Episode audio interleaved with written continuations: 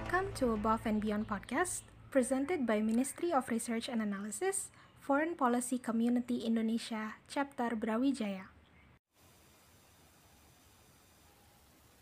Uh, halo Foreign Policy Enthusiast, kembali lagi di Above and Beyond Podcast yang pada episode kali ini hadir untuk membahas salah satu topik yang cukup kontroversial dan juga banyak menuai perdebatan, yaitu hukuman mati atau yang biasa dikenal dengan istilah capital punishment. Nah, pada episode Above and Beyond Podcast kali ini uh, akan membawakan judul Death Penalty, Legal Action or Crimes Against Humanity. Nah, sebelum kita berdiskusi lebih jauh, izinkan saya memperkenalkan diri dulu.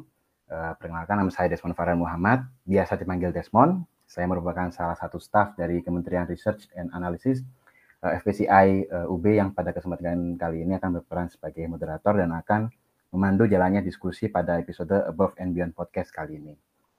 Nah, dalam episode ini kita juga akan ditemani oleh seorang pembicara yang nantinya akan berbagi berbagi pengetahuan dan juga perspektif sebagai ahli dan juga praktisi terkait topik diskusi kita hari ini. Telah hadir bersama kita Bapak Kurnia Ramadana. Beliau merupakan seorang peneliti dari Indonesia Corruption Watch dan pada kesempatan kali ini beliau akan berbagi ilmu dan pandangannya tentang topik diskusi hari yaitu hukuman mati. Uh, halo Bapak Kurnia, apa kabarnya hari ini? Halo Mas Desmond, kabar baik, Alhamdulillah. Alhamdulillah kalau begitu. Mungkin uh, dari Pak Kurnia boleh memperkenalkan diri dulu secara singkat sebelum kita masuk ke dalam sesi diskusi. Ya, uh, kenalkan teman-teman semua, nama saya Kurnia Ramadana. Saat ini sedang bekerja di Indonesia Corruption Watch, tepatnya di divisi hukum. Saya dulu sebelum bekerja di ICW menapaki masa pendidikan khususnya di bidang uh, uh, mahasiswa. Saya kuliah di Fakultas Hukum Universitas Sumatera Utara selesai uh, kuliah pada tahun 2015, kemudian tahun 2016, tepatnya Januari, saya resmi bergabung di ICW, dan selang tiga tahun selanjutnya saya masuk di Divisi Hukum Indonesia Corruption Watch, sebuah lembaga yang memang menaruh perhatian lebih terhadap isu-isu pemberantasan korupsi. Begitu, Mas Desmond. Wah, baik. Wah, sangat menarik sekali ya, Pak. baik, baik. Mungkin setelah berkenalan dengan uh, Pak Kurnia pada episode kali ini, uh, saya akan memberikan sedikit gambaran nih pengantar terkait uh, topik diskusi kita kali ini. Uh, hukuman mati merupakan uh, eksekusi pelaku yang dijatuhi hukuman mati setelah dinyatakan bersalah oleh pengadilan atas tindak pidana tertentu. Uh, hukuman mati telah lama menimbulkan perdebatan tentang moralitas, serta pengaruhnya terhadap perilaku kriminal.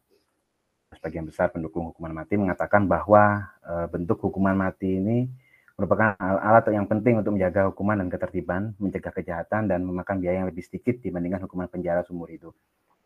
Namun, sebagian besar penantang hukuman mati mengatakan bahwa bentuk hukuman ini tidak memiliki efek jerah pada kejahatan. E, secara keliru memberikan pemerintah kekuatan untuk mengambil nyawa sesama manusia, melanggengkan ketidakadilan sosial dengan secara tidak proporsional, menargetkan orang-orang yang berasal dari kelompok marginal dan juga orang-orang yang tidak mampu membayar pengacara yang baik.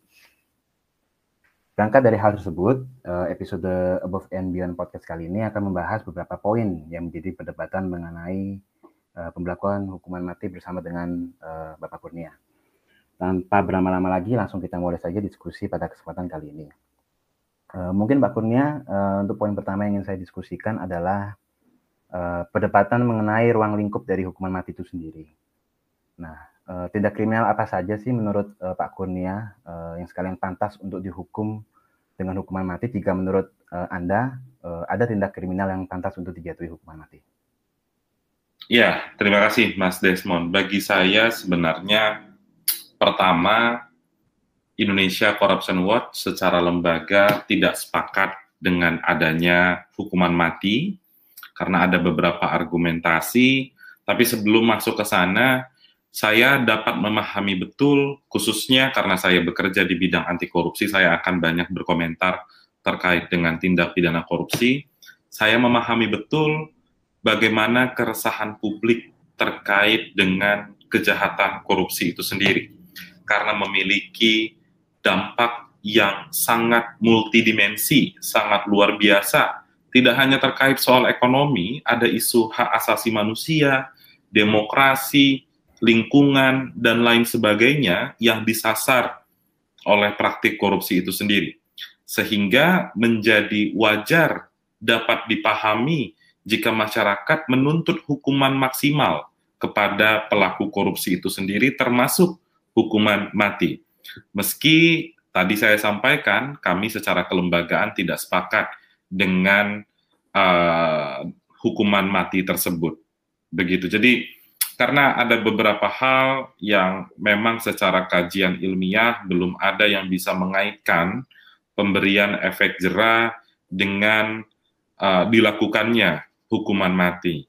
Dalam kasus narkoba, mesti saya tidak meneliti lebih dalam dalam konteks tersebut, tapi secara awam saya melihat sudah banyak dikenakan hukuman mati, tapi sampai hari ini kan tidak menimbulkan efek jerah, apalagi di tengah proses peradilan yang masih banyak menimbulkan tanda tanya. Begitu, Mas Desmond. Baik, Pak. Jadi memang kembali lagi uh, melihat dari sisi moralitas ya, Pak ya. Nah, ini juga menjadi poin penting ya, Pak ya, perdebatan yang penting antara mungkin pihak yang pro dengan uh, hukuman mati maupun yang kontra dengan hukuman mati yaitu ya terkait dengan moralitas itu. Nah, mungkin menurut Pak uh, Kurnia ya, mungkin uh, jika dilihat dari perspektif moralitas, uh, apakah hukuman mati ini merupakan suatu tindakan yang pantas untuk untuk diberlakukan? Ya, kita harus melihat lagi realita hukum kita seperti apa. Ada dua isu besarnya. Yang pertama dari sisi penegak hukum. Kalau kita bicara soal tindak pidana umum, ada kepolisian. Kalau tindak pidana khusus, ada KPK atau kejaksaan. Kadangkala prosesnya dilakukan tidak secara uh, hukum atau tidak benar. Praktik, misalnya yang lazim disebut kriminalisasi atau mungkin bahasa yang benar pemolisian, itu kan masih terus-menerus hadir di tengah masyarakat berpindah pada lembaga kekuasaan kehakiman, yaitu pengadilan, faktanya ada cukup banyak hakim yang terjerat kasus korupsi karena menggadaikan putusan tersebut untuk menguntungkan pihak-pihak yang sedang berperkara. Pertanyaan lanjutannya adalah, bagaimana nanti seandainya dijatuhi hukuman mati, ternyata ditemukan ada kekeliruan dalam proses penegakan hukum tersebut tentu nyawa yang sudah melayang tidak bisa kita kembalikan lagi, dan itu pasti akan merugikan banyak pihak, termasuk negara pasti tidak punya solusi yang konkret menanggapi persoalan tersebut. Begitu, Mas Desmond. Baik, Pak. Berarti jika berkaca pada itu juga kita bisa melihat dari sisi hak asasi manusia ya, Pak ya, bahwa jika memang ada e, nyawa yang tidak bersalah pun juga sebenarnya sangat merugikan sekali, terutama bagi pihak-pihak eh, tersebut. Mungkin ini juga menjadi eh, apa namanya eh, eh, acuan untuk poin selanjutnya sih Pak. Jadi eh, untuk perdebatan mengenai hukuman mati ini sendiri kan sangat relevan jika kita mengkaji dari perspektif hak asasi manusia. Uh, mungkin uh, untuk teman-teman yang belum pendengar yang belum tahu pun juga ada salah satu instrumen hukum internasional yang dapat kita gunakan untuk membahas hak asasi manusia yaitu Deklarasi uh, Universal Hak Asasi Manusia atau biasa disingkat menjadi DUHAM. Nah, deklarasi tersebut terdiri dari 30 pasal yang merincikan hak-hak dasar dan kebebasan fundamental individu dan menegaskan karakter universal mereka sebagai sesuatu yang melekat, tidak dapat dicabut, dan dapat diterapkan kepada semua umat manusia. Deklarasi ini diadopsi sebagai standar pencapaian umum untuk semua orang dan semua bangsa, dan mewajibkan negara-negara untuk mengakui bahwa semua manusia dilahirkan bebas dan setara dalam martabat dan hak terlepas dari kebangsaan, tempat tinggal, jenis kelamin, etnis, warna kulit, bahasa, atau status lainnya. Nah, secara spesifik, terdapat uh, artikel dari Duham yang perlu mendapatkan perhatian khusus ketika uh, kita saat ini berbicara mengenai hukuman mati. Pertama, artikel 3 dari Duham yang berbunyi setiap orang berhak atas kehidupan, kebebasan, dan keamanan pribadi, dan juga artikel 5 yang berbunyi tidak seorang pun boleh menjadi sasaran penyiksaan atau perlakuan atau hukuman yang kejam tidak manusiawi, dan merendahkan martabat. Ada berbagai uh, interpretasi dari Duham dan artikel yang tergantung di dalamnya. Ada yang mendukung juga ada yang tentang pemberlakuan dari hukuman mati. Nah, dari perspektif uh, Pak Kurnia sendiri sebagai uh, di bidang hukum ya Pak, apakah hukuman mati ini merupakan uh, suatu tindakan yang dapat dikatakan melanggar HAM dan juga melanggar dari Deklarasi Universal itu sendiri, Pak? Ya, karena dalam pemahaman saya, Mas Desmond, hak asasi manusia itu terutama soal hak untuk hidup tidak bisa diganti, tidak bisa di apa ya, di, di diputuskan oleh instrumen apa pun termasuk instrumen hukum.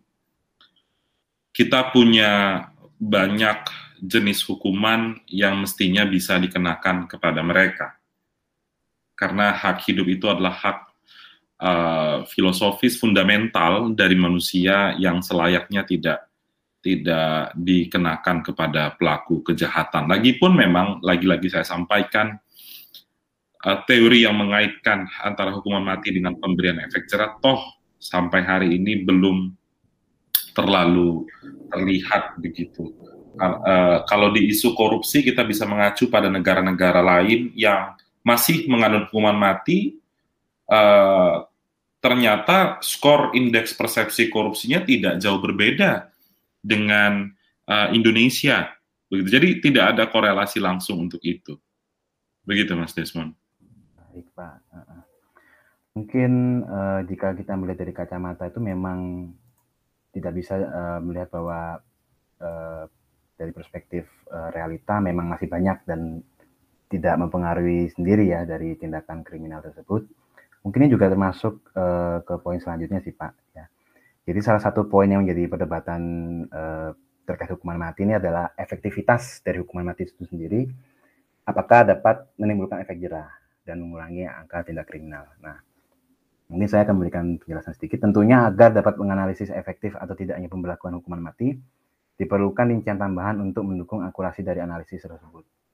Uh, tempat diberlakuannya uh, hukuman mati dan juga teknis eksekusi merupakan dua faktor yang memainkan peran cukup besar dalam menentukan efektivitas dari pemberlakuan hukuman mati.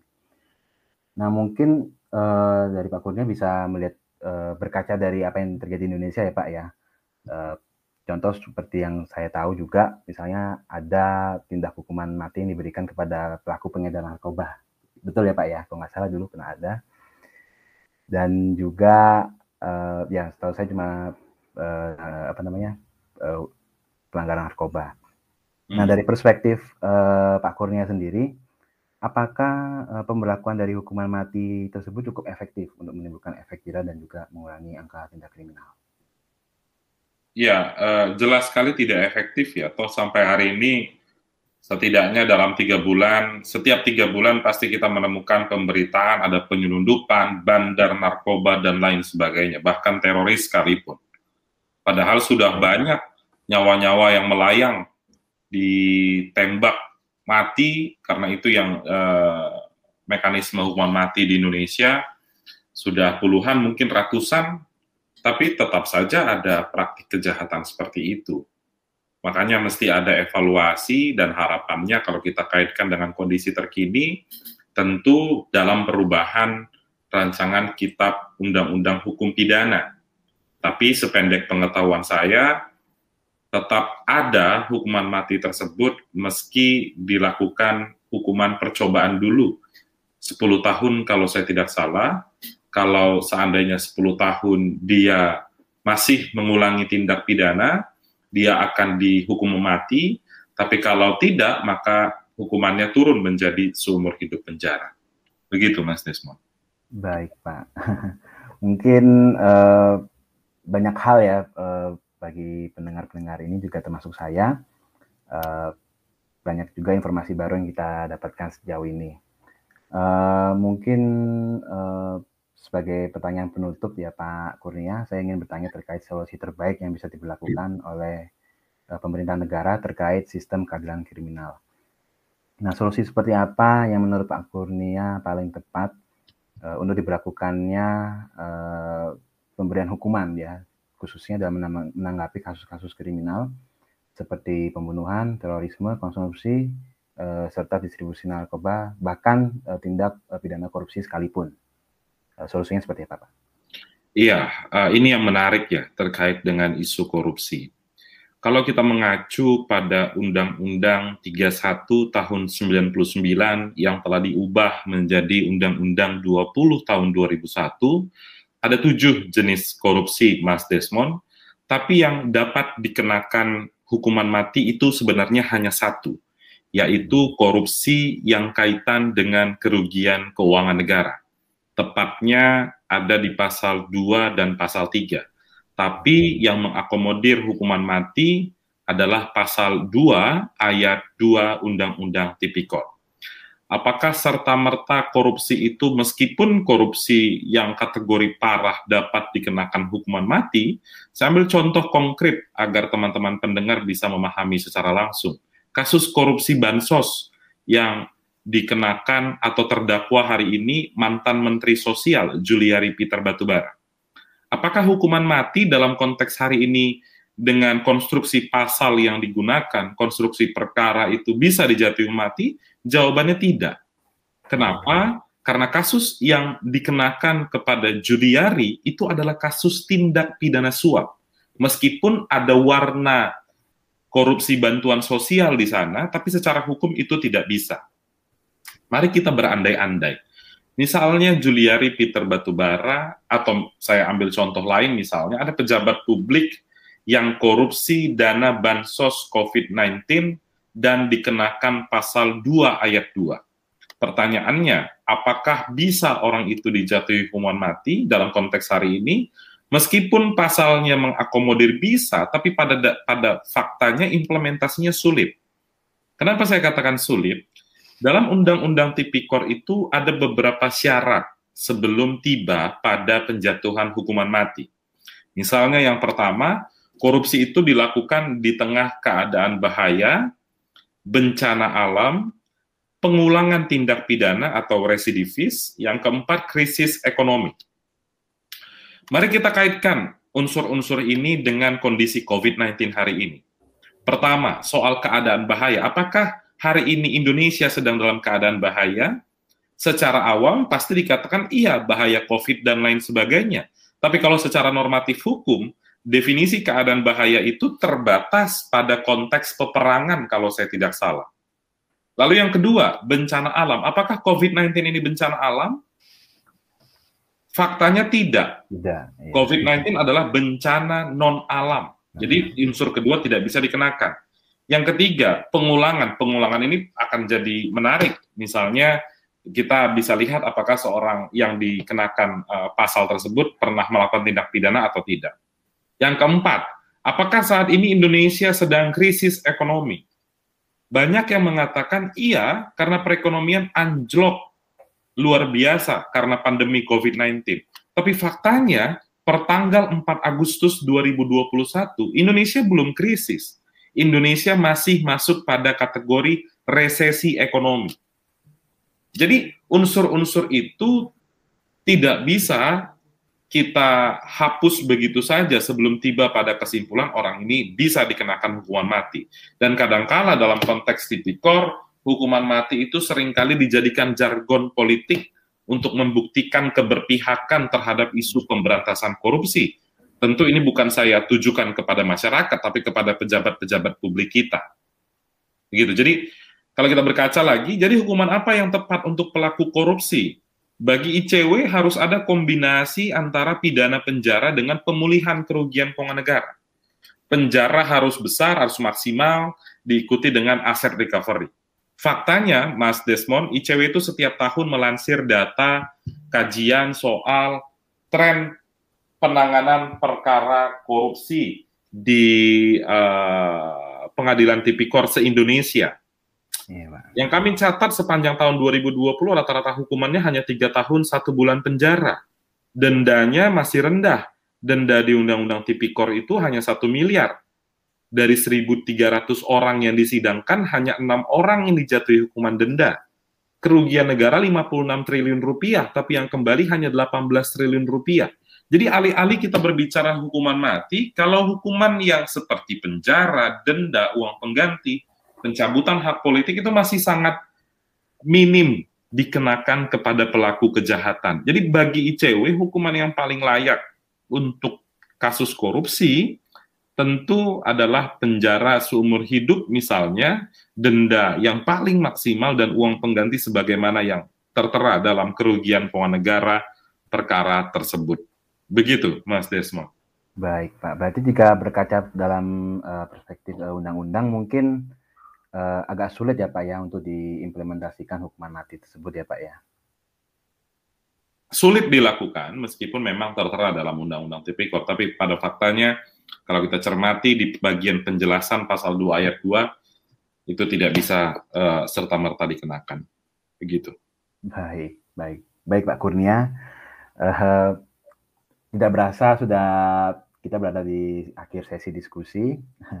Mungkin uh, setelah sesi diskusi ini uh, banyak sekali wawasan yang dan perspektif uh, baru yang teman-teman audiens bisa ambil dari pembicara kita Pak Kurnia, terutama saya. Dan juga mungkin saya langsung simpulkan bahwa hak asasi manusia adalah hak untuk hidup. Bahwasanya hukuman mati adalah salah satu alat hukuman yang paling tinggi. Meskipun begitu, tetap saja hak untuk hidup tidak bisa diganti ataupun diputuskan oleh instrumen hukum karena uh, berkaca dari pengalaman jika ada uh, terduga atau tersangka dari kejahatan tersebut tidak bersalah, maka akan sulit untuk bahkan untuk mengembalikan nyawa, bahkan nyawa pun tidak bisa dikembalikan. Jadi uh, solusi yang terbaik adalah tetap mengaplikasikan banyak jenis hukum seperti memberikan hukum pidana seumur hidup dengan denda yang besar dan juga memberikan uh, dengan dengan adanya pemberian hukum tersebut maka diharapkan dapat timbul efek jerah dari uh, pemberian uh, hukuman tersebut. Uh, mungkin uh, dengan demikian uh, usai sudah uh, diskusi kita pada hari ini. Oh mungkin sebelum uh, akhir diskusi ini saya ingin memberikan, saya ingin mempersilahkan uh, Pak Kurnia untuk uh, menyampaikan closing statement-nya nih dari diskusi kita sebelumnya.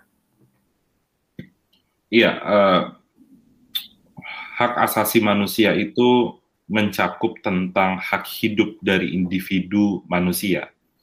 Tentu hak tersebut tidak bisa serta-merta dicabut begitu saja dengan instrumen apa pun ada banyak jenis hukuman lain yang lebih manusiawi tetap bisa kita kenakan kepada pelaku kejahatan, termasuk di sana adalah kejahatan korupsi itu sendiri.